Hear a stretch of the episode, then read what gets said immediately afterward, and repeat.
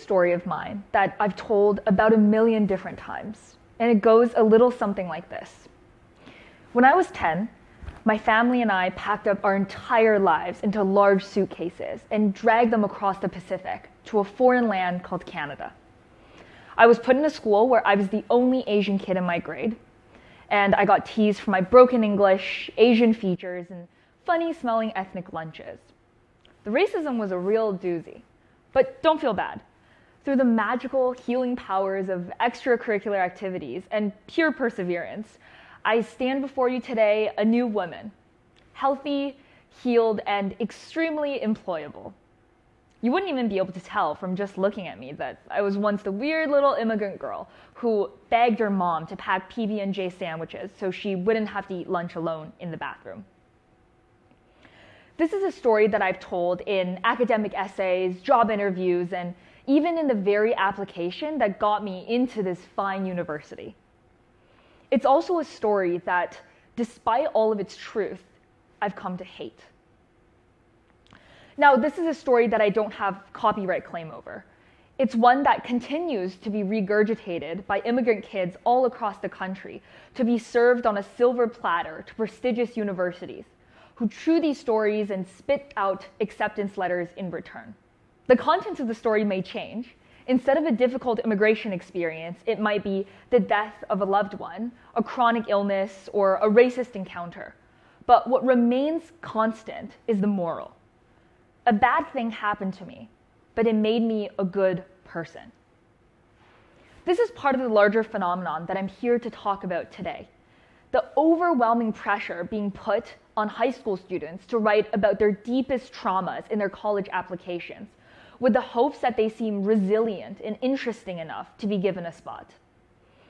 I believe that these are not only bad metrics by which to evaluate applicants, but also incredibly harmful to the storyteller themselves and risks reinforcing existing inequities in higher education. There's also pressure that's being amplified by admissions counselors themselves, who play a huge role in influencing what applicants decide to write about. Take, for example, this tip from the MIT admissions blog, where the author compares two different introductions for a potential essay. The first one reads I'm honored to apply for the Master of Library Science program at the University of Okoboji. For as long as I can remember, I've had a love affair with books. Since I was 11, I've wanted to be a librarian. The second introduction reads When I was 11, my great aunt Gretchen passed away and left me something that changed my life a library of about 5,000 books. Some of my best days were spent arranging and reading her books. Since then, I've wanted to become a librarian. The author notes that the second introduction is much more striking and leaves a much better impression. Consider another tip from collegeessayguide.com, where he advises students to get personal. He says, Weirdly, including, including painful memories and what you learn from them usually helps a personal statement meet the goals of a college application essay.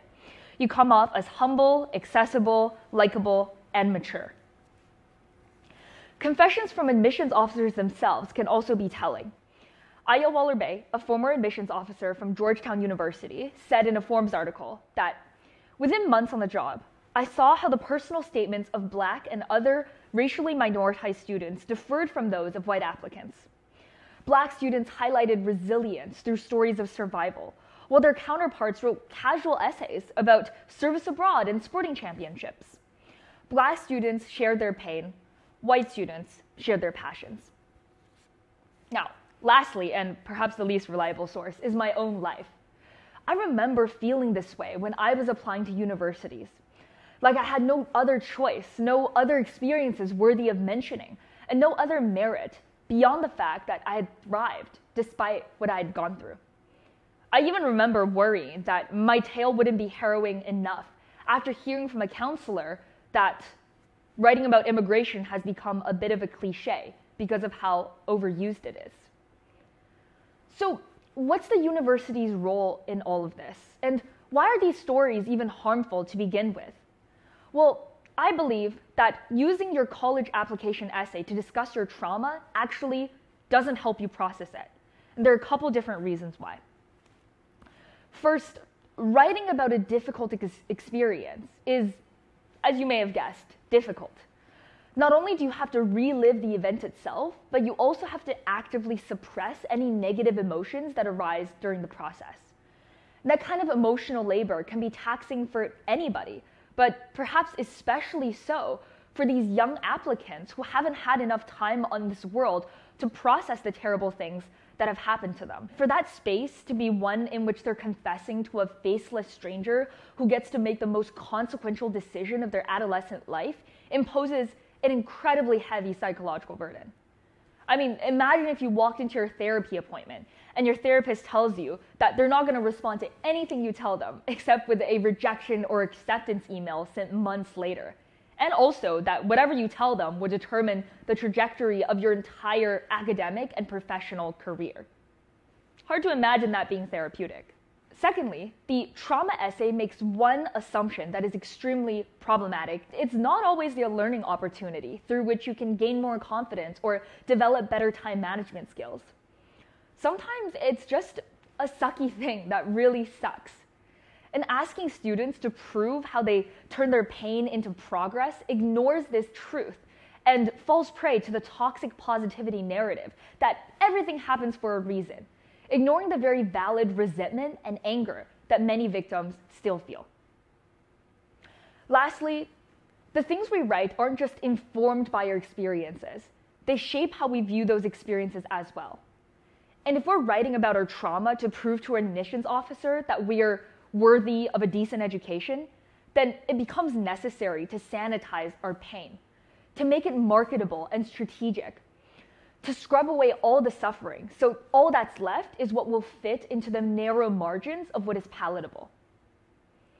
And this is what I see as being the fundamental contradiction at the heart of the trauma essay. It seems to give the writer free reign of vulnerability, but actually leaves them very little room to be vulnerable.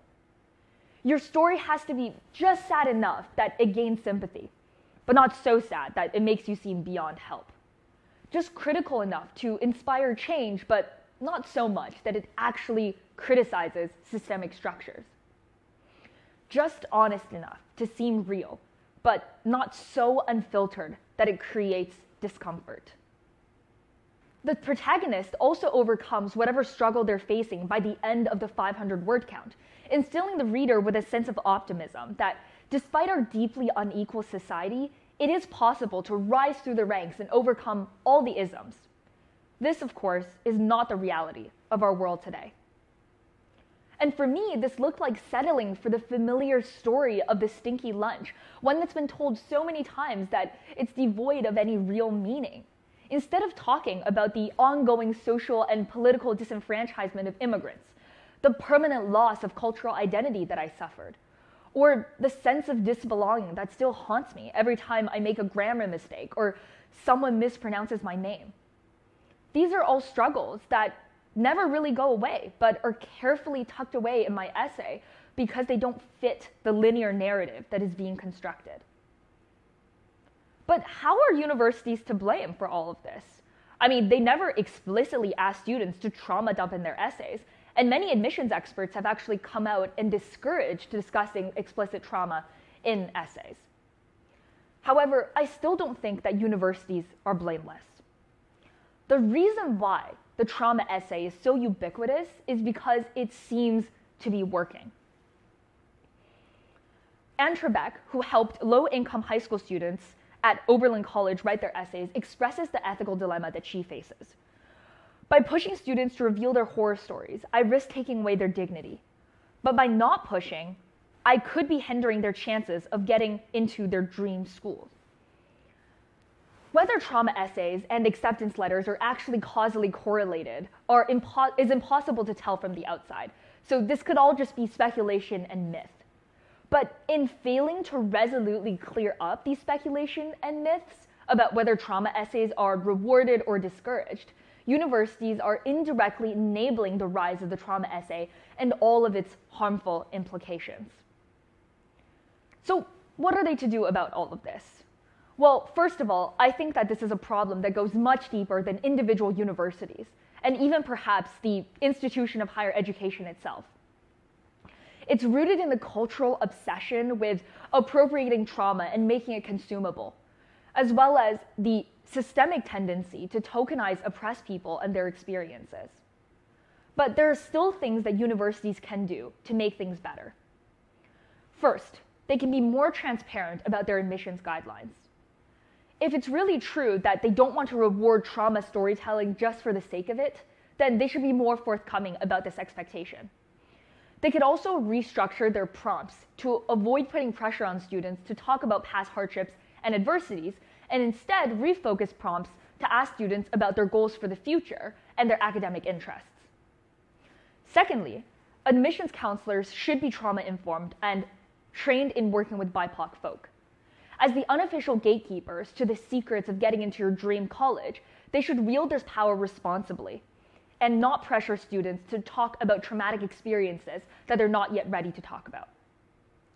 Lastly, and this one's for anyone who's actually applying to a post secondary institution sometime soon, remember that you are more than the bad things that happen to you. I know that when it seems like every other classmate of yours is writing an essay that could be adapted for an HBO original drama, that you may feel like your experiences are not worth talking about. But I promise that they are. You just have to find your voice and use it. Now, as much as I don't want to live that nail bitingly stressful time of my life ever again, I can't help but wonder what would I have written about if I got the chance to apply to UBC again? This time, absent the pressure to strategically use my immigrant background to gain sympathy points. Maybe I would have written about how I overcame my fear of public speaking and became comfortable with being the loudest voice in the room. Or I could have written about watching trashy reality television is what first sparked my interest in political science. Or maybe I still would have written about my immigrant story because that was a big part of my life journey and still impacts me to this day. But I would have done it on my own terms. Instead of being written as a one dimensional trauma turn triumph drama drama, I would have been able to tell a story that actually reflects who I am today and acknowledge the fact that my journey is ongoing and it doesn't begin or end with my racial identity. This is the kind of ownership that I wish for everyone to one day have over their story. And now it's up for universities to decide whether they get to tell it. Thank you.